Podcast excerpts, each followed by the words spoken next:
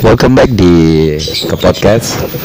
Setelah episode terakhir kita ngebahas apa? Kita episode terakhir itu ngebahas soal misteri. Itu hasil requestan uh, salah satu viewer kita juga sih.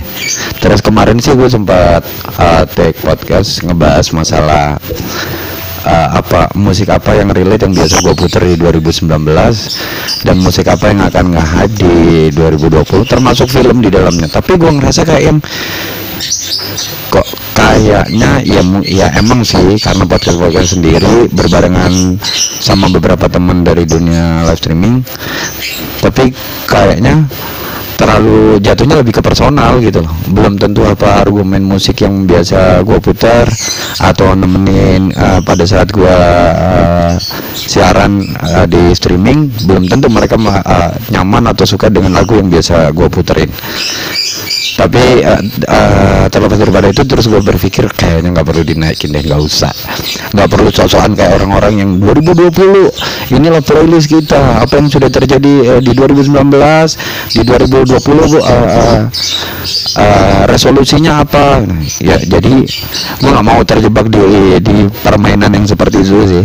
Jadi udah terlewat jauh dari tanggal 1 di Januari 2020 gue mikirnya kayak ya udahlah skip aja 2020 itu juga masih berapa hari biarkan berjalan seperti apa adanya baru mungkin gue nanti akan ada keinginan untuk di tengah tahun gue baru akan uh, mencoba mengkompar apa yang udah terjadi selama enam bulan ini di 2020 sembari mungkin dikompar dengan apa yang udah terjadi di 2019 di sini gue mau ngebahas di, di, hari ini temanya apa kontennya apa kita mau ngebahas apa?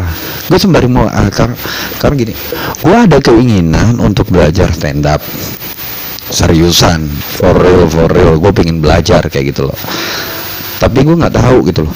Karena beberapa materi yang dipakai sama stand up comedian yang kalian lihat di TV ataupun di YouTube itu mereka tuh solid gitu loh. Dan dan rata-rata mereka ada beberapa yang punya tematik sendiri ada yang apa apa apa, apa.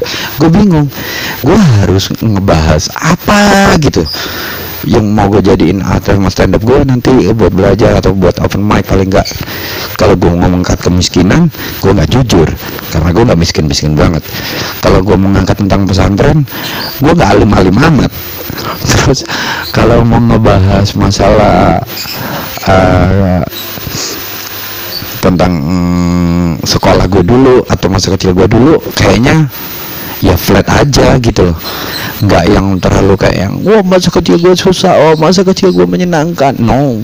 Jadinya gue fake gitu makanya gue nggak mau. Terus apa? Gue cari-cari materi. Terus gue mikir anjir gue kan juga lagi main di dunia live streaming. Kenapa ini nggak uh, nggak gue jadiin bahan aja? Kayak gitu loh. Terus tapi apa yang menarik dari dunia live streaming ya?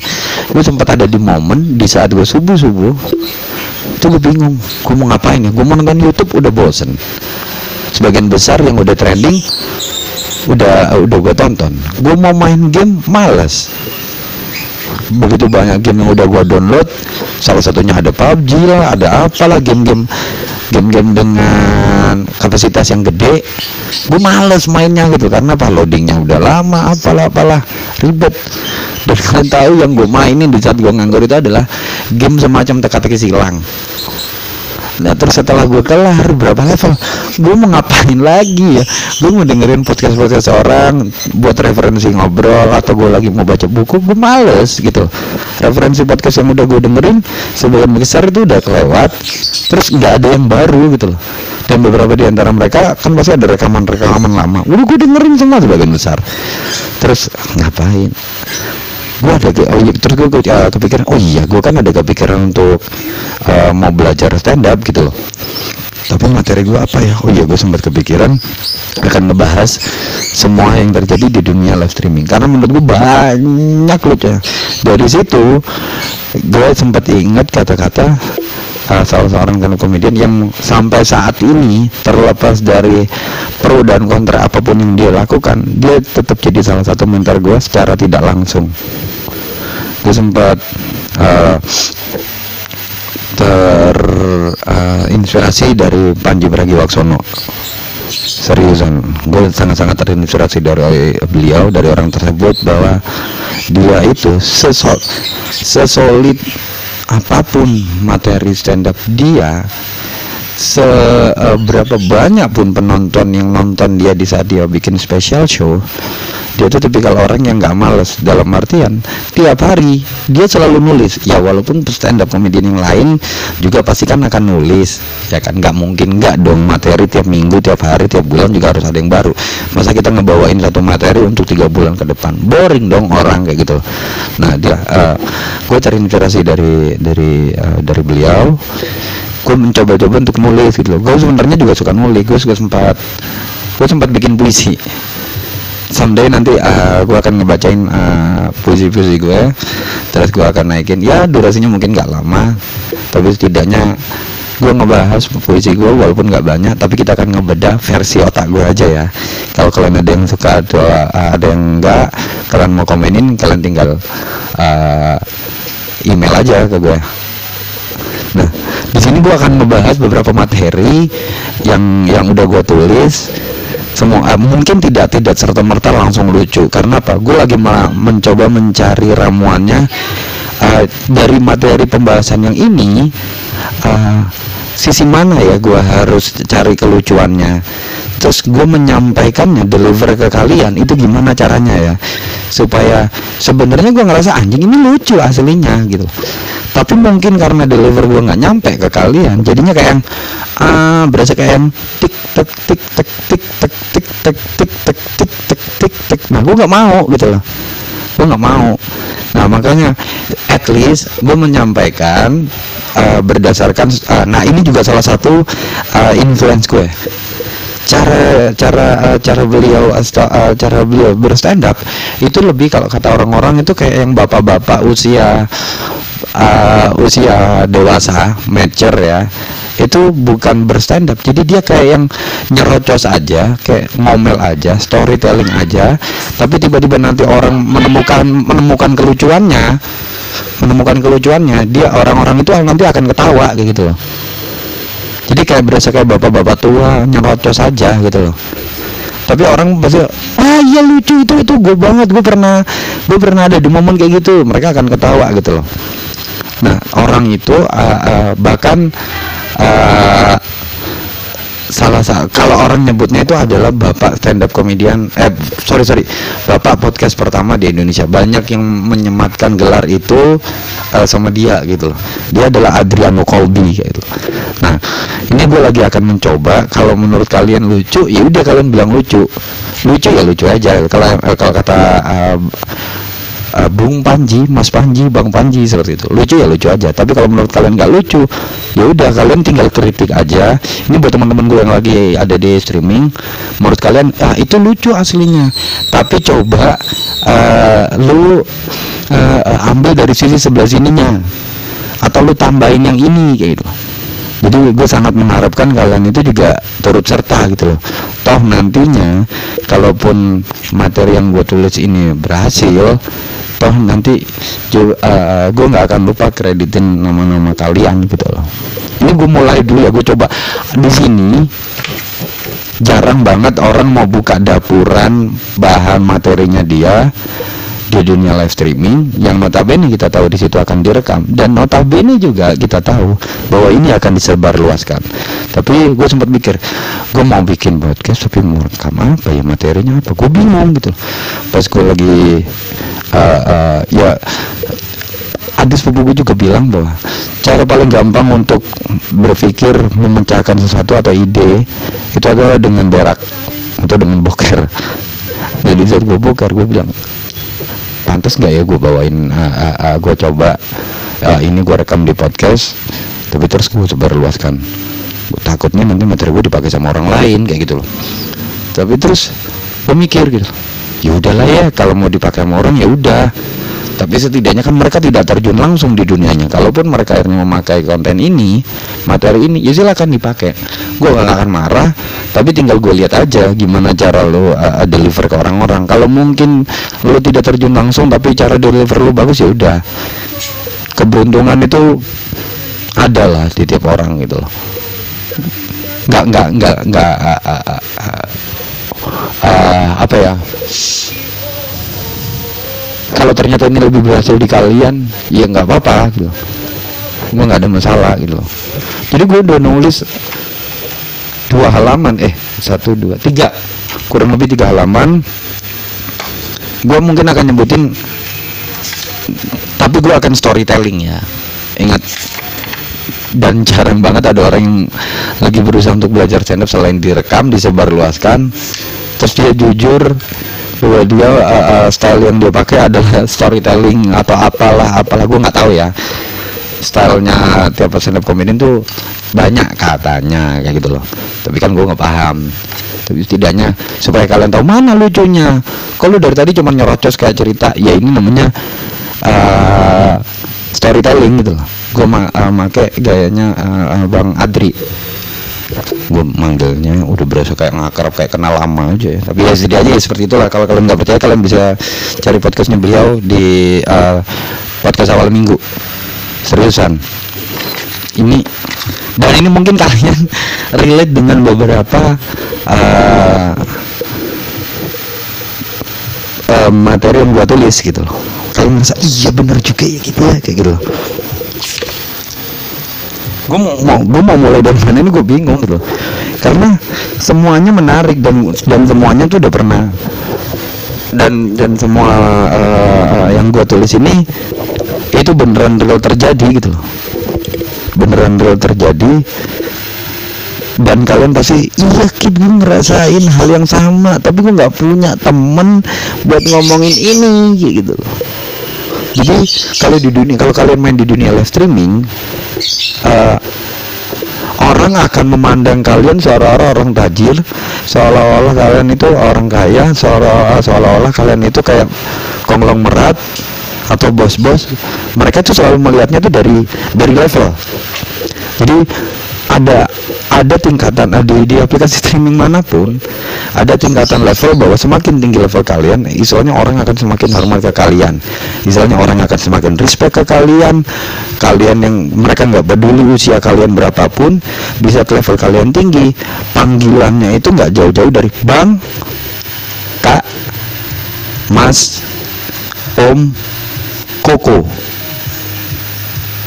Kalau pria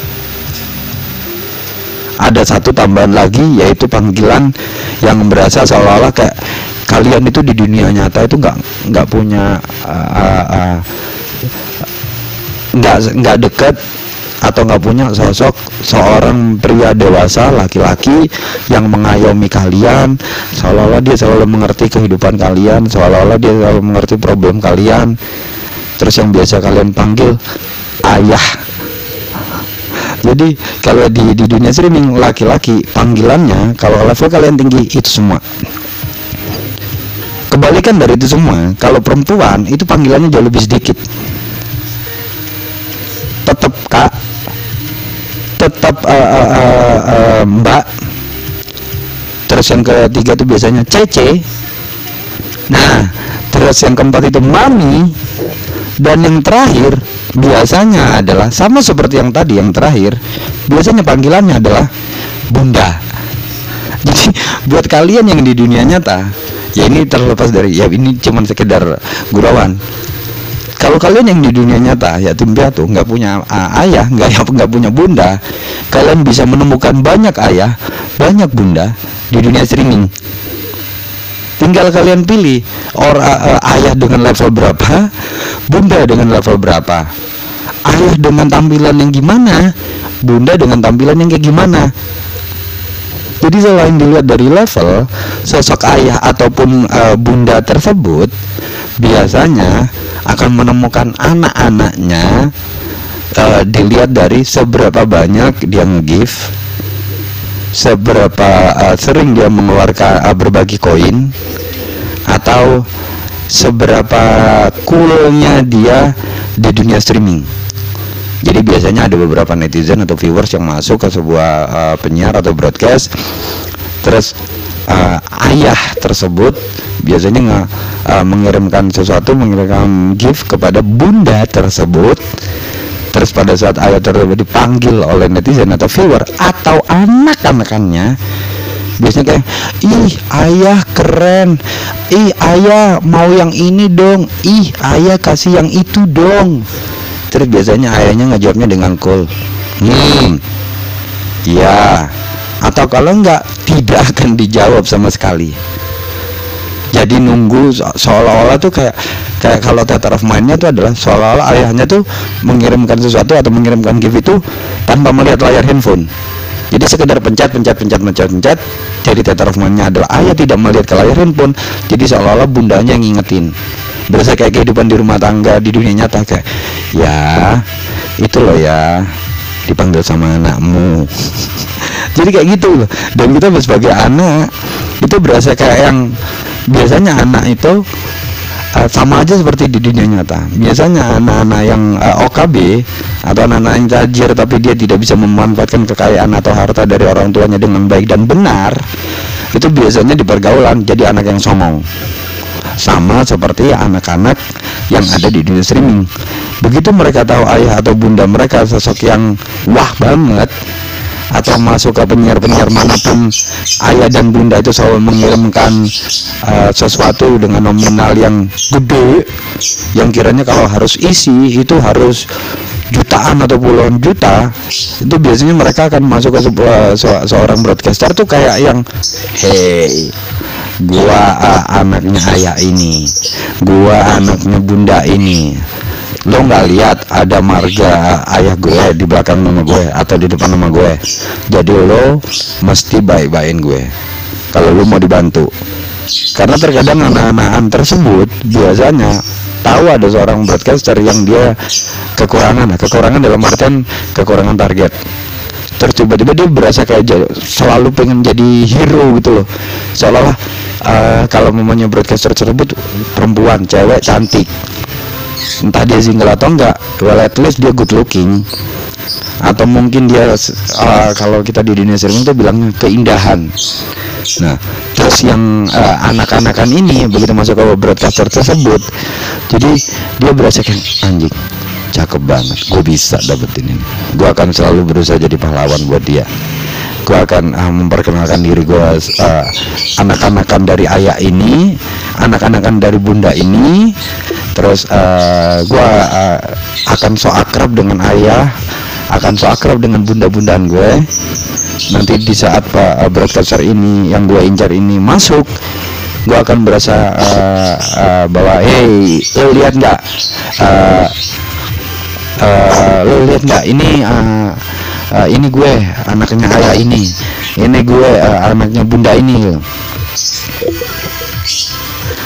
Jadi berasa pengen kayak kayak pengen jadi hero kayak gitu loh. Terkadang mereka uh, anak-anakan tersebut kayak sama ayahnya nggak dapat nggak uh, dapat uh, dana terus mereka akan aduh ayahku nggak ngasih aku duit. Ayahku nggak ngasih aku duit gitu. Ya udahlah aku isi dulu pakai duitku sendiri. Besok-besok tinggal aku yang minta ke ayahku. Gitu.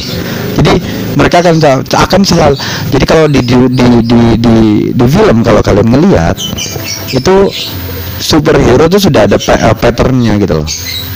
Superhero itu sudah ada patternnya bahwa bentuknya uh, so, uh, uh, Captain America itu seperti ini bentuknya uh, Iron Man itu seperti ini. Tapi kalau di di dunia streaming superhero itu nggak uh, ada patternnya tapi semua orang bisa jadi superhero. Tergantung gimana uh, seberapa banyak seberapa besar uh, lo mengirimkan sesuatu kepada broadcaster tersebut. Jadi akan selalu banyak superhero kalau di dunia streaming gitu Nah kalau ngelihat orang eh, balik lagi kayak yang tadi, kalau ngelihat orang biasanya kalau kita tinggal di dunia streaming, yang ngelihat orang dari level itu biasanya obrolan atau bahasa basinya itu kayak udah terstruktur gitu loh. Kayak sudah ada aturan uh, tersendiri balik lagi sudah ada patternnya kayak gitu loh. Jadi biasanya kalau ada penyiar baru broadcaster baru masuk ke uh, uh, seorang broadcaster dengan levelnya yang tinggi biasanya patternnya adalah halo kakak. Halo bang. Haloko terus ditambahin dengan Salken. Kak Salken uh, Ko. Salken Abang patternnya udah udah kelihatan kayak gitu. Atau kadang kita udah pernah ma uh, ke masuk ke broadcaster tersebut sekali atau dua kali begitu masuk untuk yang next yang berikutnya itu berasa kayak yang akrab banget. Kayak berasa yang uh, uh, uh, gue itu loyal sama lo. Gue lo gue itu setia sama lo gitu. Tapi padahal bro, uh, broadcaster tersebut ng nganggapnya tuh kayak ah, biasa aja be aja kayak gitu loh. Dan biasanya sapaannya adalah uh, kayak yang bunda ke mana aja? Gak pernah kelihatan gak pernah muncul. Sibuk apa bun ih kangen deh sama bunda. Begitu pula kalau dia itu ayah-ayahan gitu. Iya iya. Ayo ke mana aja. Kemarin ayah terbang-terbang ya. Kemarin ayah kayak gini ya. Iya ayah nggak pernah ngabarin. Ih gitu. Kalaupun terus katanya kemarin ayah ngumpul-ngumpul kok gak ngajak-ngajak? Jadi seolah-olah kayak udah akrab banget gitu loh. Padahal menurut mereka bergesernya sih biasa biasa aja gue nggak taruh kenal sama lu anjing. Biasa aja nggak usah yang terlalu akrab banget berasa kayak yang kita lagi jalan tiba-tiba ada orang yang so akrab sama kita nemplok ke lengan kita terus kayak nempel banget. Tuh hmm, hmm, hmm, kayak berusaha sosok manja. Dan kita kalau uh, theater of adalah kalau kita yang sosokan jadi ayat terus kayak anjing apaan sih ini? Kuman atau kutu ini? Jadi kayak berasa diketok-ketok loh. Pergi lo pergi lo jadi jadi kayak kayak kayak yang ada bakteri tiba-tiba nempel kayak gitu loh jadi berusaha untuk so akrab banget gitu loh. Padahal ya biasa aja gitu juga bisa gitu. Nggak perlu kayak yang berasa kayak yang oh apa kabar? Gini itu kayak nggak nggak banget. Karena gue sendiri ada pernah ada di posisi seperti itu. Kayak yang bangkit ke mana aja? Nggak muncul. Kemarin ke mana? Ini sombong banget bangkit. Nggak ngabarin. Terus uh, ini ke mana semua orang-orang kok sepi? Jadi kayak seolah-olah lu ngerti paling ngerti tentang uh, siaran gue lu paling ngerti tentang broadcast gue bahwa uh, siaran gue selalu rame siaran gue nggak pernah sepi uh, orang typing uh, siaran gue tuh kayak yang udahlah tutup mata lu akan dapat banyak kayak gitu jadi yang seolah-olah yang paling ngerti gitu. Padahal kalian belum tahu apa atau belum tentu ngerti apa yang gue rasain di saat gue seperti itu gitu. Jadi gue paling benci dengan yang digituin gitu paling benci. Terus biasanya uh, yang yang kalau gue nggak salah inget ya aplikasi aplikasi streaming yang gue mainin ini uh, dulu pernah ngadain award awardan terus kalau nggak salah pembawa acaranya MC-nya dulu adalah Catherine Wilson sama Indra Bekti dua orang ah, sama satu lagi gue lupa siapa. Andika. Gue inget Andika Catherine Wilson sama uh, Indra Bekti. Gue lupa kalau nggak salah itu di awal tahun kemarin deh.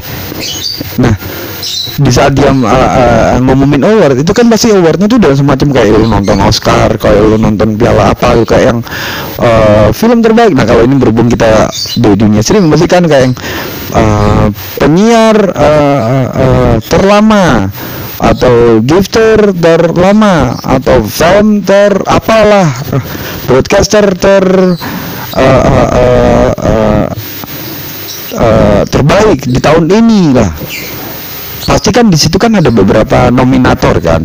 Nah kalau kalian ngerti nama-nama orang di dunia streaming, kalau kalian nggak percaya kalian download aja lah dunia apa uh, aplikasi live streaming apa pun itu coba kalian bikin satu account terus kalian lihat nama-namanya tuh aneh-aneh unik-unik. Gue kalau nggak salah pada saat uh, yang award kemarin itu uh, di livein kan? Kayak ya kayak ada siaran langsungnya kayak gitu. Nah kalau gue nggak salah ingat pada saat si Indra Bukti ngumumin entah nominasi atau apa gitu loh. Jadi dia itu sekali lagi ya ini kalau gue nggak salah ingat. Sekali lagi uh, pada saat dia ngumumin disebutin nama nominasi nominasinya dia tuh kayak yang keheranan gitu loh mukanya. Kayak yang hah? Kok namanya begini? Nah gue uh, uh, gue gue berusaha merasakan apa yang Indra Bekti rasakannya itu kayak yang kayak nggak ada pilihan nama lain aja gitu kenapa harus nama ini gitu sama seperti di saat di saat gua uh, uh, streaming biasanya nama-namanya yang masuk tuh emang aneh-aneh gitu oke okay, tapi gue memaklumin dalam artian kayak oke okay, setidaknya lu ada nama. Tapi gue paling benci gue paling heran dengan orang-orang kayak yang dari sekian banyak kata dari sekian banyak kalimat dari sekian banyak nama kenapa yang lu pilih hanya uh, uh, uh, nama kayak yang titik koma kalau enggak spasi spasi spasi spasi spasi sepanjang apa pun itu atau kalau enggak tanda seru atau kalau enggak tanda tanya biar apa gitu biar supaya orang itu nggak tahu nama kalian supaya atau kalian sosok misterius kayak agen rahasia CIA, CGB atau apa pun itu. Apakah itu jadi tujuan kalian supaya kalian bisa stalking uh, penyiar uh, uh, favorit kalian supaya kalian seolah-olah kalian paling ngerti ih kamu uh, kamu kemarin siaran ya aku tahu kamu lagi nongkrong sih eh kamu kok tahu sih Tahu dari mana kan kamu nggak ada di siaranku kan kamu nggak nemenin aku. Iya aku lo tahu apa pun yang kamu lakukan siaran kamu kamu ngapain aja aku paham. Ada si ini kan typing ini, ada si itu kan typing itu. Ih kamu gak tahu lagi sih. Kamu nggak pernah nemenin aku jahat kamu. Kamu nggak pernah bantu-bantu aku lagi. Tenang. Walaupun aku nggak ada di siaran kamu, aku akan selalu ada buat kamu. Jadi apa pun yang kamu lakukan aku tahu kok. Jadi berasa kayak sinetron anjing. Berasa kayak kita tuh nonton telenovela era 90-an atau 2000-an awal kayak gitu jadi kayak kayak apa ya pengen pengen jadi secret admirer kayaknya gitu.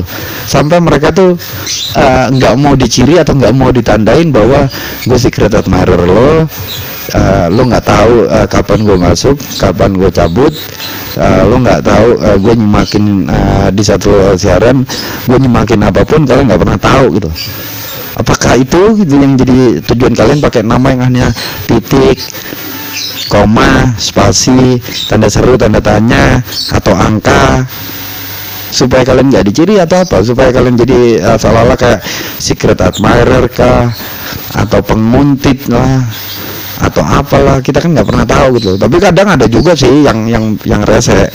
Orang-orang pakai akun terus namanya seperti itu hanya untuk cari bahan gibah gitu hanya untuk cari bahan gibah jadi gampang. Jadi berarti ini saran bisa dipakai di dunia nyata. Bisa dipakai di dunia nyata mungkin. Jadi buat kalian ibu-ibu atau siapa pun remaja putri ataupun akun-akun gosip semacam kalam fitura ini ada relate ya dengan dengan Twitter yang yang gua uh, gua ikuti. Gue uh, gue punya Twitter tapi gue udah lama vakum. Nah gue balik lagi main Twitter karena ada satu hal yang bikin gue harus aktif lagi gitu. Gue seneng gitu kami memperhatikan uh, ini gitu memperhatikan gosip ini gitu. Nah ini ini ada tiga hal. Satu di dunia streaming satu di dunia nyata satu di Twitter. Contohnya tuh kayak gini. Jadi kalau kalian di di dunia uh, streaming kalian pakai nama yang hanya titik koma atau tanda seru atau tanda tanya atau hanya angka 1 2 3 atau 1 atau 2 atau 3 atau apa atau spasi spasi spasi itu biasanya uh, akun selain untuk jadi secret admirer seseorang biasanya jadi uh, jadi juga untuk akun cari bahan gibah. Karena akun dengan nama itu titik koma dan lain-lain dan semacamnya itu itu sudah banyak orang yang pakai jadi kalau mungkin dikasih angka kayak mau apa kayak klub bola ya kayak pemain bola biasanya bisa aja loh kayak titik satu titik dua titik tiga jadi berasa kayak klub gitu loh. Paham gak sih kalian? Paham kan ya? Jadi kayak orang-orang tuh mau cari bahan gibah saking dia ketakutannya kalau dikasih nama karena nanti akan diciri karena nanti akan ditandain jadinya dia terpaksa harus pakai nama yang titik koma. Kasihan loh itu kalau di dunia nyata dijadiin dunia nyata itu kasihan ibunya. Itu berasa kayak bukan punya anak kembar dua kembar tiga kembar empat. Kembarnya banyak. Banyak anaknya pakai yang nama titik itu banyak pakai nama koma itu banyak kayak gitu loh. Jadi apa dan kalau mau dikompar di dunia nyata juga buat ibu-ibu di komplek ataupun PKK kalau kalian mau cari bahan gibah mau cari bahan gosip buat diomongin sama tetangga kanan atau tetangga kiri kalian nah kalian gampang. Kalian pakai kostum putih ya berasa kayak demit berasa kayak bakun atau kalian berasa kayak pecica ya. Putih beneran putih polos ya. Kalian kasih satu tanda titik di situ tag jadi kalian pura-pura aja kalian tuh seperti uh, uh, apa itu? Itu kayak keyword ya kayak titik aja kalian taruh. Jadi seolah-olah kalau orang itu tidak akan melihat kalau kalian tuh keberadaan kalian ada di situ kalian lagi ada di dekat mereka untuk cari bahan gibah. Kan ini kan nggak mungkin juga gitu. Nah kalau di dunia Twitter kenapa gua uh, uh, uh, kalau relate-nya adalah uh, di dunia Twitter gue pernah uh, gue lagi ngikutin gosip-gosip yang masalah tentang Garuda dan kontroversi yang di dalamnya. Nah admin dari akun tersebut biasanya dia bilang uh, dia bongkar uh, aib yang mana gitu atau problem yang mana gitu ya. Terus tiba-tiba dia dia typingnya dia tuh kadang kocak gitu. Kocaknya itu adalah uh, ya nih tadi ya gue nggak mau sebutin namanya. Tadi uh, uh, gue uh, dapat info nih bahwa pramugari ini uh, lagi begini atau lagi mau terbang ke sini. Uh, untung aja gue nyamar jadi kucing atau biasanya dia sebutin jadi kucing atau kalau enggak jadi gelas atau kalau enggak jadi apa. Terus dia bilang supaya aman. Jadinya kan gue bisa tahu info-info terbaru tentang si pramugari ini gitu. Jadi pattern of mindnya itu adalah sembari kita ngebaca tweet tersebut jadi kita tuh sembari kayak berandai kalau kita yang jadi dia terus tiba-tiba kita nyamar jadi teko atau jadi kucing atau jadi apa hanya untuk jadi pendengar gibahan tersebut untuk disebarkan kepada orang lain. Itu kan kayak berasa kayak lu mau jadi ninja ya terus lu mau menyerang area musuh tapi lo harus menyamar menjadi sesuatu. Biasanya kan ninja jadi apa? Jadi hewan jadi uh, uh, tembok. Kalau enggak jadi pohon. Kalau enggak jadi uh, tanaman. Biasanya kan kayak gitu kan. Nah tapi coba kalian bayangin kalau kalian berusaha di dunia nyata ya di, di dunia nyata terus kalian jadi ninja kalian mau mau bersembunyi itu nggak bisa karena udah banyak yang materinya banyak yang pakai. Materi mau jadi pohon udah banyak yang pakai materi jadi tembok udah banyak yang pakai kalian harus pakai materi jadi titik kan dia tetap aja ketahuan. Dan kalaupun nggak ketahuan titik loh guys. Kalian bisa bayangin nggak? Titik itu posisinya bisa ada di mana-mana kayak gitu loh kalau kalau udah titik aja bisa kalau sekelas pohon aja bisa nggak ketahuan jadi pohon aja bisa nggak ketahuan jadi tembok aja bisa nggak ketahuan. Gimana kalau kita jadi titik tambah lebih nggak ketahuan. Jadi kalau kita mau ngeliatnya kita kayak berusaha harus pakai mikroskop kayak gitu. Jadi gue heran gitu. Dan dan balik lagi ke yang tadi kalau uh, uh, gue ngebayangin kalau yang Indra Bekti tadi pada saat mengumumkan iya nominasinya untuk penyiar terbaik tahun ini adalah gue ngeliat gestur mukanya si Indra Bekti tuh gue ngeliat kayak gitu namanya tuh aneh gitu. Dia kayak ah berasa kayak krik krik krik krik krik gitu. jadi gue apa uh, gue merasakan apa yang Indra Bekti rasakan. Jadi kayak kayak kita tuh mau ngomong tuh please deh kayak nggak ada pilihan nama lain gitu loh kalian selain titik koma dan semacamnya itu apa kayak apa kayak tulis apa uh, bisa aja kalian pakai nama buku tulis atau buku gambar atau tusuk gigi atau cincin merah atau apa pun lah itu banyak gitu kenapa harus titik gitu nanti ini gue akan menghubungin dengan satu hal kenapa mungkin ini yang terjadi uh, uh, uh, yang real kenapa orang akhirnya harus pakai nama ini. Dari sekian banyak alasan ada dua alasan yang menurut gue uh, oke okay lah diwajarkan kalian pakai dua nama tersebut. Karena dua uh, uh, uh, uh, kalian pakai nama-nama tersebut kayak titik koma tanda seru tanda tanya. Eh, gue memaklumi kalau alasan kalian di uh, uh, salah satu di antara dua ini. Ya selain dua ini sebenarnya banyak alasan lain kayak gitu. Tapi tadi yang alasan pertama yang gue relate yang gue bilang adalah masuk akal adalah kalau kalian jadi seorang secret admirer Nah kalian pasti kan nggak mau diketahui keberadaan kalian di situ. Kalian masih nyemakin dia, kalian masih memantau dia, kalian seolah menjaga dia, tapi kayak yang invisible kayak gitu loh. Jadi seolah kalian itu tidak terlihat gitu. Tapi kalian tahu, nanti kalian ngomongin ke uh, favorit kalian? bah, iya kamu begini, iya kamu gitu. Aku tahu kok. Tapi pasti nanti yang perempuan bakal ini kamu kok tahu sih? Kamu kenapa nggak bilang? Jahat deh kamu nggak bantu juga nggak nemenin.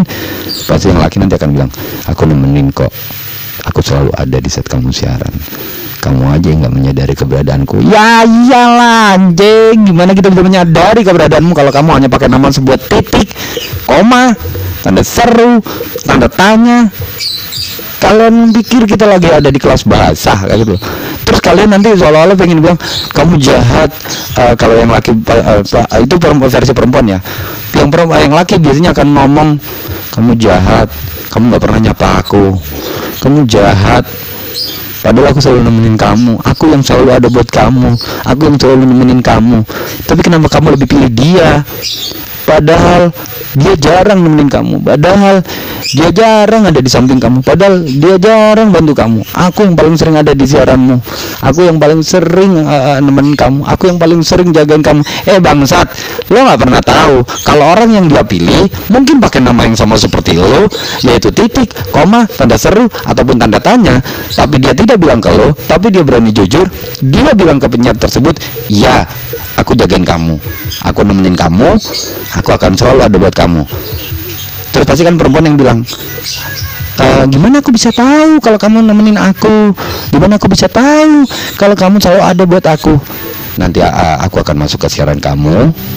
Aku akan uh, chat WA kamu atau aku akan kabarin kamu via line bahwa aku sudah masuk nanti akan ku kasih ID ku ke kamu bahwa kamu tahu aku selalu ada buat kamu bahwa uh, aku selalu nemenin kamu. Jadi kamu paham ya. Pasti kan yang perempuan akan bilang oh so sweet. Makasih loh sayang. Kamu selalu ada buat aku. Emang bener kamu terbukti selalu nemenin aku. Nah sementara laki-laki yang pertama tadi tidak berani bilang. Dia hanya cuma seolah-olah kayak lu ninja tapi ada penjahat. Ada laki-laki ganjen. Ada laki-laki yang bersama deketin dia dan ngajak dia yang tidak tidak hmm berbahaya sekali. Akan ku uh, ungkapkan kepada dia setelah dia siaran akan komen dia. Kenapa dia tidak bisa jaga dirinya? Kenapa tidak dia dia tidak cerita padaku kalau dia lagi digoda oleh laki-laki lain? Ya iya gimana dia mau cerita? Lu nggak ngomong kalau lu nemenin dia.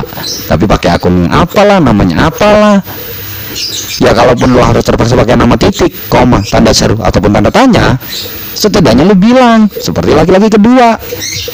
Kalau lo nggak bilang gimana dia bisa tahu?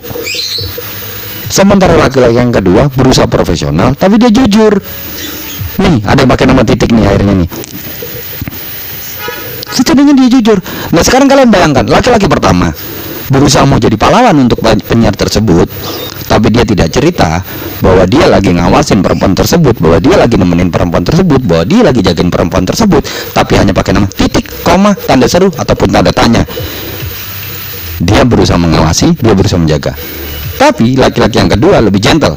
Dia memakai nama yang sama tapi dia bilang ke perempuan tersebut ke penyiar tersebut dia jujur ini kok ID ku Ingat aja, aku selalu nemenin kamu, aku akan selalu ada buat kamu. Nah sekarang kalian bayangkan, kalian ya ada satu orang penyiar, dua orang laki-laki yang sedang mengawasi perempuan tersebut.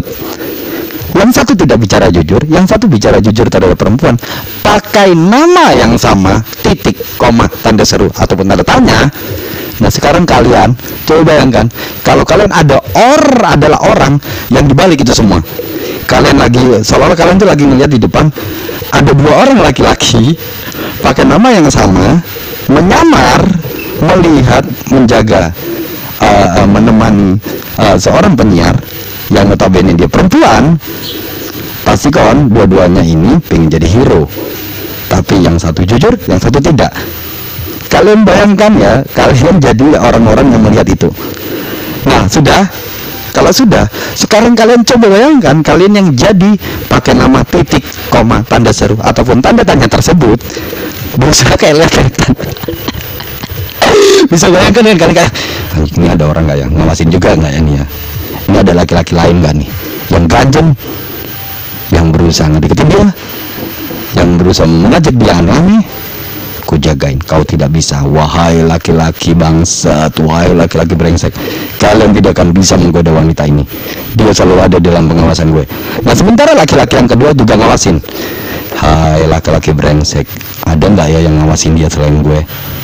Kalian mau ngapain sama penyiar ini?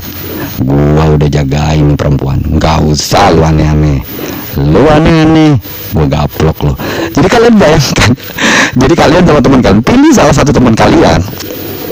Jadi kalau kalian bermain ninja-ninjaan ya pilih salah satu teman kalian kalian lagi nyamar atau kalau kalian lagi main petak umpet ya pasti kalian pernah kan ada mungkin beberapa di antara nggak pernah ya. Tapi kalau kalian ada di era-era 90-an kalian pernah ada di momen-momen kalian lagi main petak umpet di malam hari sama teman-teman kalian satu kampung satu lingkungan atau satu apa pun. Terus kalian sembunyi di satu area tapi kalian tidak karena suasana gelap. Tapi kalian tuh nggak ngerti bahwa di sebelah kalian itu juga ada teman kalian yang lagi sembunyi tapi kalian tidak janjian. Jadi kayak ih ketahuan gak ya gue? Gue ketahuan gak ya? Kalian celingak celingak celingak celingak aman gue nggak ada yang sembunyi di sini. Teman-temanku lagi sembunyi di mana ya? Ih kayaknya abis ini gue yang menang nih. Ini nggak ada orang di sebelah ini. Nah sementara lah. Yang kedua si teman kalian itu juga aman nih kayaknya nih. Gue sembunyi di sini. Nggak ada orang lain lagi. Ya udahlah gue nunggu anak-anak yang lain ketangkep gue tunggu aja. Terus begitu uh, uh, uh, yang uh, yang jagain itu menyerah gue akan munculkan di, uh, diri gue bahwa gue menang bahwa gue nggak bisa ditemukan. Tapi coba kalian sekali lagi coba kalian bayangkan kalau ada di momen di mana dua-duanya nggak nyadar saling kegap pernah kan kalian pernah nonton film komedi atau film kartun tiba-tiba kayak aman gak ya? Aman gak ya? Tiba-tiba kalian mundur mundur mundur mundur mundur tiba-tiba kayak saling ngomong gitu loh. Tiba-tiba nolak anjing. Lu di sini ternyata kenapa lu sembunyi banget nah begitu pula yang kedua pasti kayak bangsat. Lu sembunyi di sini juga. Kalau gak ngomong kan gue duluan yang di sini. Enggak gue duluan. Enggak gue gue jadi kayak berantak tak tak tak tak tak akhirnya ketahuan. Kan goblok nah sekarang coba bayangkan balik lagi ke yang tadi. Kalau kalian pakai nama titik koma tanda seru atau tanda tanya hanya untuk stalking jagain atau nemenin perempuan tersebut atau penyiar tersebut terus kalian seolah-olah saling sembunyi aman gak ya gue jaga ini? Ini kalau ada laki-laki ganjen ada pria-pria hidung belang. Yang ini perempuan gue sikat juga nih gue libas nih lihat nih ada nggak nih? Jadi apa banyak nama titik masuk ke sebuah siaran terus saling mengawasi. Kan goblok. Berasa kayak kalian itu ada di satu area lagi main petak umpet terus kalian tuh saling tidak melihat satu sama lain terus kalian mundur. Aman nggak ya? Ah munduran dikit ah. Kalau ke depannya ntar kalau ketahuan mundur mundur. Mundur anggap aja dari lima orang pakai nama titik koma tanda seru ataupun tanda tanya. Kalian saling membunyi tidak ada yang bisa melihat satu sama lain karena di area kegelapan. Terus kalian mundur berusaha untuk menyamankan diri. Tiba-tiba terus kalian menoleh ke kanan ataupun ke kiri ucapan apa yang pertama kalian ucapkan? Anjing bangsat babi tai kucing atau apa pun itu pasti akan keluar. Oh jadi lo gitu. Nggak mungkin tapi biasanya laki-laki ketemu laki-laki pada saat saling memunggungi kayak gitu pada saat mereka satu sama lain tahu saling stalking saling nemenin saling jagain biasanya nggak akan saling marahin satu sama lain. Lo ya gue udah duluan. Atau kalau nggak laki kedua enggak gue duluan. Kalau lo nggak percaya yang kasihan tuh siapa? Penyiarnya. Broadcasternya. Pasti dari laki-laki yang pertama bilang oh jadi dia selama ini sudah di sini? Kenapa kamu nggak bilang sama gue? Kenapa kamu nggak bilang sama aku? Kenapa lo nggak bilang sama gue? Kenapa lo nggak bilang sama aku itu itu kadang gue juga bingung sih pemanggilan bebas sih sebenarnya. Kayak kayak omongan lo gue aku kamu kita mereka. Ya sudah lupakan. Balik lagi ke yang tadi. Jadi kayak laki-laki yang pertama itu kayak ngomelin perempuannya penyiarnya. Kenapa kamu nggak jujur? Kenapa nggak kamu nggak cerita? Kenapa nggak gini? Pasti laki-laki yang kedua pun melakukan hal yang sama. Selama ini dia stalking di kamu selama ini dia kamu kok kamu nggak cerita? Nah yang serba salah yang perempuan. Untuk menanggapi laki-laki yang pertama dia pasti akan bilang loh aku mana tahu kalau kamu suka sama aku? Aku mana tahu kalau kamu sering nemenin aku siaran. Kamu nggak pernah cerita berhak dong perempuan itu ngomongin tentang laki-laki yang pertama. Nah sementara laki-laki yang kedua itu pada saat berbicara seperti itu dia pasti akan bilang ya aku nggak tahu. Orang dia nggak pernah cerita. Orang dia nggak pernah ngomong. Orang akunnya juga nggak pernah muncul. Dan dia juga nggak jujur jadi seolah-olah walaupun laki-laki kedua tersebut itu uh, laki-laki yang nomor dua itu tidak menyalahkan, tapi dia bingung, nggak punya jawaban terhadap pertanyaan laki-laki kedua. Sementara untuk laki-laki yang pertama, lu udah tahu lu salah, lu bego, lu nggak jujur, terus lu berusaha membenarkan diri lu, ya nggak bisa lah. Kenapa lu nggak bilang dari awal kayak gitu loh? Jadi serba salah kalau yang jadi perempuannya gitu.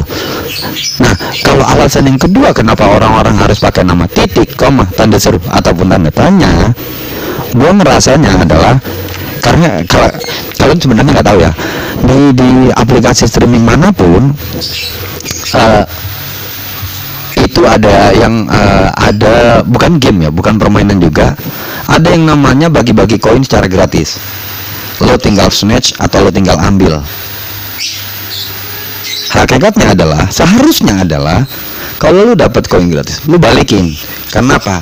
Di uh, uh, orang yang membagikan koin tersebut membantu lo untuk naikin level lo karena kan tadi dua yang pertama adalah kadang orang bisa dipandang atau dinilai seberapa uh, seberapa tinggi derajatnya dia berdasarkan levelnya Nah orang-orang yang bagi koin tersebut membantu orang-orang yang nggak punya koin untuk menaikkan derajatnya dengan cara lo harus naik level.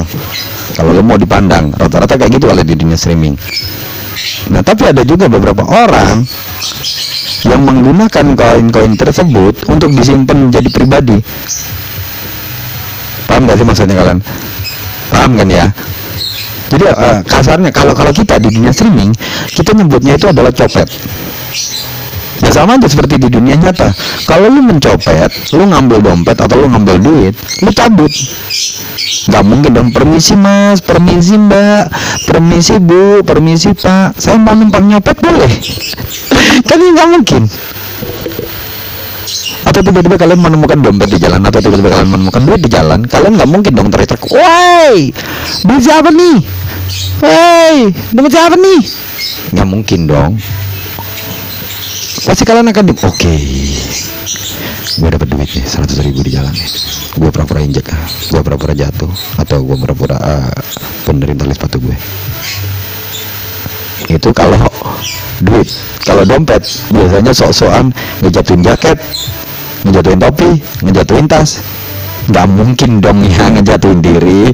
Karena sekelas dompet aja masa lu harus berakting seolah lu lagi main UFC atau main Smackdown? Kan enggak ya? Ha, cup. Kalian tidak bisa melihat bahwa di sini ada dompet dan kita akan melihat berapa banyak duit yang ada di dompet. Kan nggak mungkin ya. Orang-orang justru pasti akan jauh lebih curiga. Anjing ngapain ya orang tiba-tiba loncat tiba-tiba jatuhkan diri lu kira lu lagi lawan McGregor? Kan enggak gitu. Jadi mungkin yang paling standar adalah dia akan menjatuhkan jaket topi uh, ataupun uh, menjatuhkan tasnya dia. Dan tidak mungkin juga kan selain tidak mungkin dia menjatuhkan diri nggak mungkin juga dia menjatuhkan harga dirinya dia. Nggak mungkin ya. Nah kalau di uh, balik lagi ke tadi yang ke dunia copet. Kalau copet di dunia streaming biasanya dia tidak akan capek dia tidak akan lelah dia tidak akan kepanasan. Karena apa? Dia juga seperti ya sama seperti orang-orang malas pada umumnya mungkin ya. Yang lo tinggal tiduran rebahan goler-goler ya pegang handphone weh ada koin gratis nih gue ambil cabut. Lo tidak kepanasan karena apa? Lo mungkin aja di dalam rumah di dalam warung di dalam toko atau mungkin lo lagi di kamar mandi who knows ya kan lo dapat koin gratis lo diem cabut. Pindah lagi cari uh, uh, koin gratis lagi. Kalau di dunia nyata lo nyopet lo dapat lo pergi. Kalau lo dapat tempat aman lo hitung berapa banyak duit yang lo dapat dari nyopet tersebut. Tapi uh, minusnya adalah lo kepanasan, kehujanan, kesempitan, mencium bau ketek, mencium bau mulut sangat-sangat tidak enak. Sementara kalau kita atau kalian yang ada uh, copet di dunia streaming, kalian tidak akan merasakan itu semua. Panas, keringetan, bau mulut, bau ketek atau apa pun itu, kalian tidak akan merasakan. Dan minusnya untuk uh, uh, dunia copet di dunia streaming dibandingkan copet di dunia nyata, sebenarnya uh, resikonya sih sama kalau ketahuan atau ketangkep sama-sama nggak enak cuman yang paling tidak enak adalah kalau dia copet di dunia nyata itu biasanya kalian kalau nggak digebukin ditanjokin, diarak, dibakar paling parah. Kalau kalian dibawa ke kantor polisi itu paling aman. Tapi biasanya sih digebukin dulu. Itu kalau kalian ketangkap. Kalau kalian di dunia streaming, kalau kalian ketahuan nyopet, antara kalau kalian diomel, uh, kalau kalian nggak diomelin, kalian pasti akan diblok atau kalau enggak kalian akan dimasukkan ke daftar hitam. Yang notabene kalau daftar hitam, kalian tuh nggak bisa lagi masuk ke penyiar tersebut. Sebenarnya resikonya sama kalau ketahuan nggak enak. Udah gitu aja cuman masalah resiko besaran mana mempertaruhkan nyawanya? Otomatis yang di dunia nyata. Karena kalau kalian di dunia streaming paling kalian cuma di kick block poster hitam udah.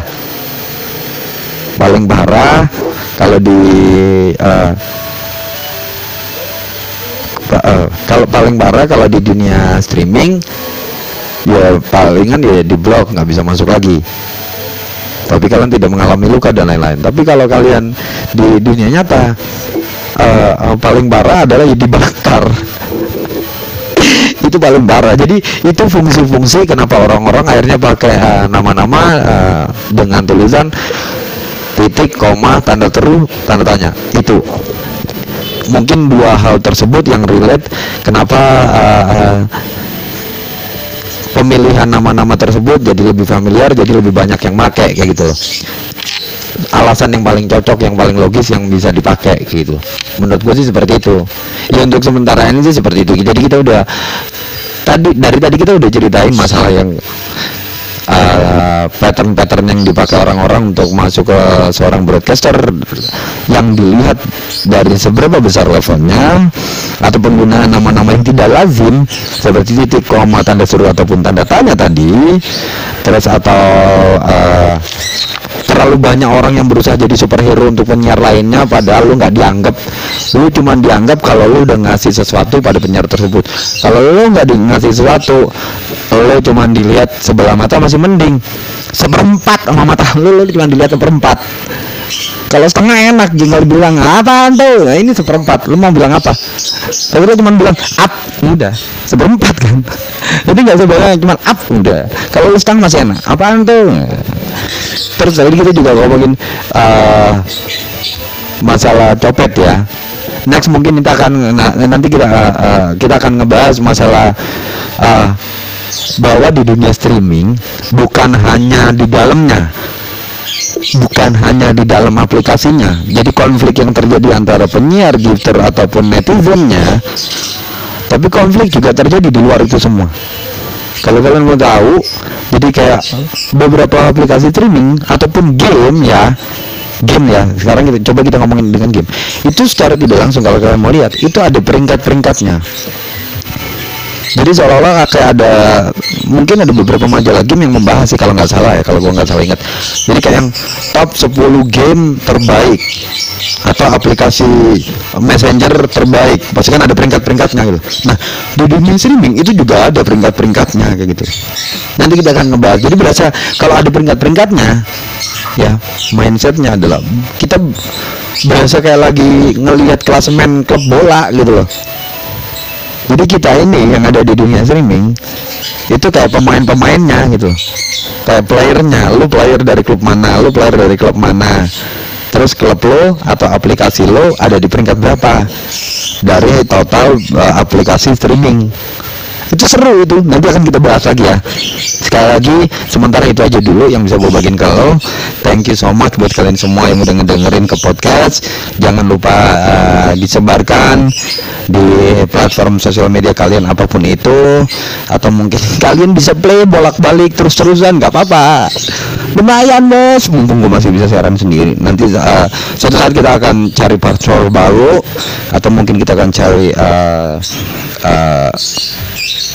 penyiar atau broadcaster yang kita bisa wawancara yang bisa kita korek-korek sebenarnya niatan dia jadi broadcaster itu apa. Terus dia udah dapat apa aja. Udah berapa banyak perempuan udah berapa banyak laki-laki yang dia dapatkan. Hmm. kita akan lihat konflik yang ada di dalam dunia streaming.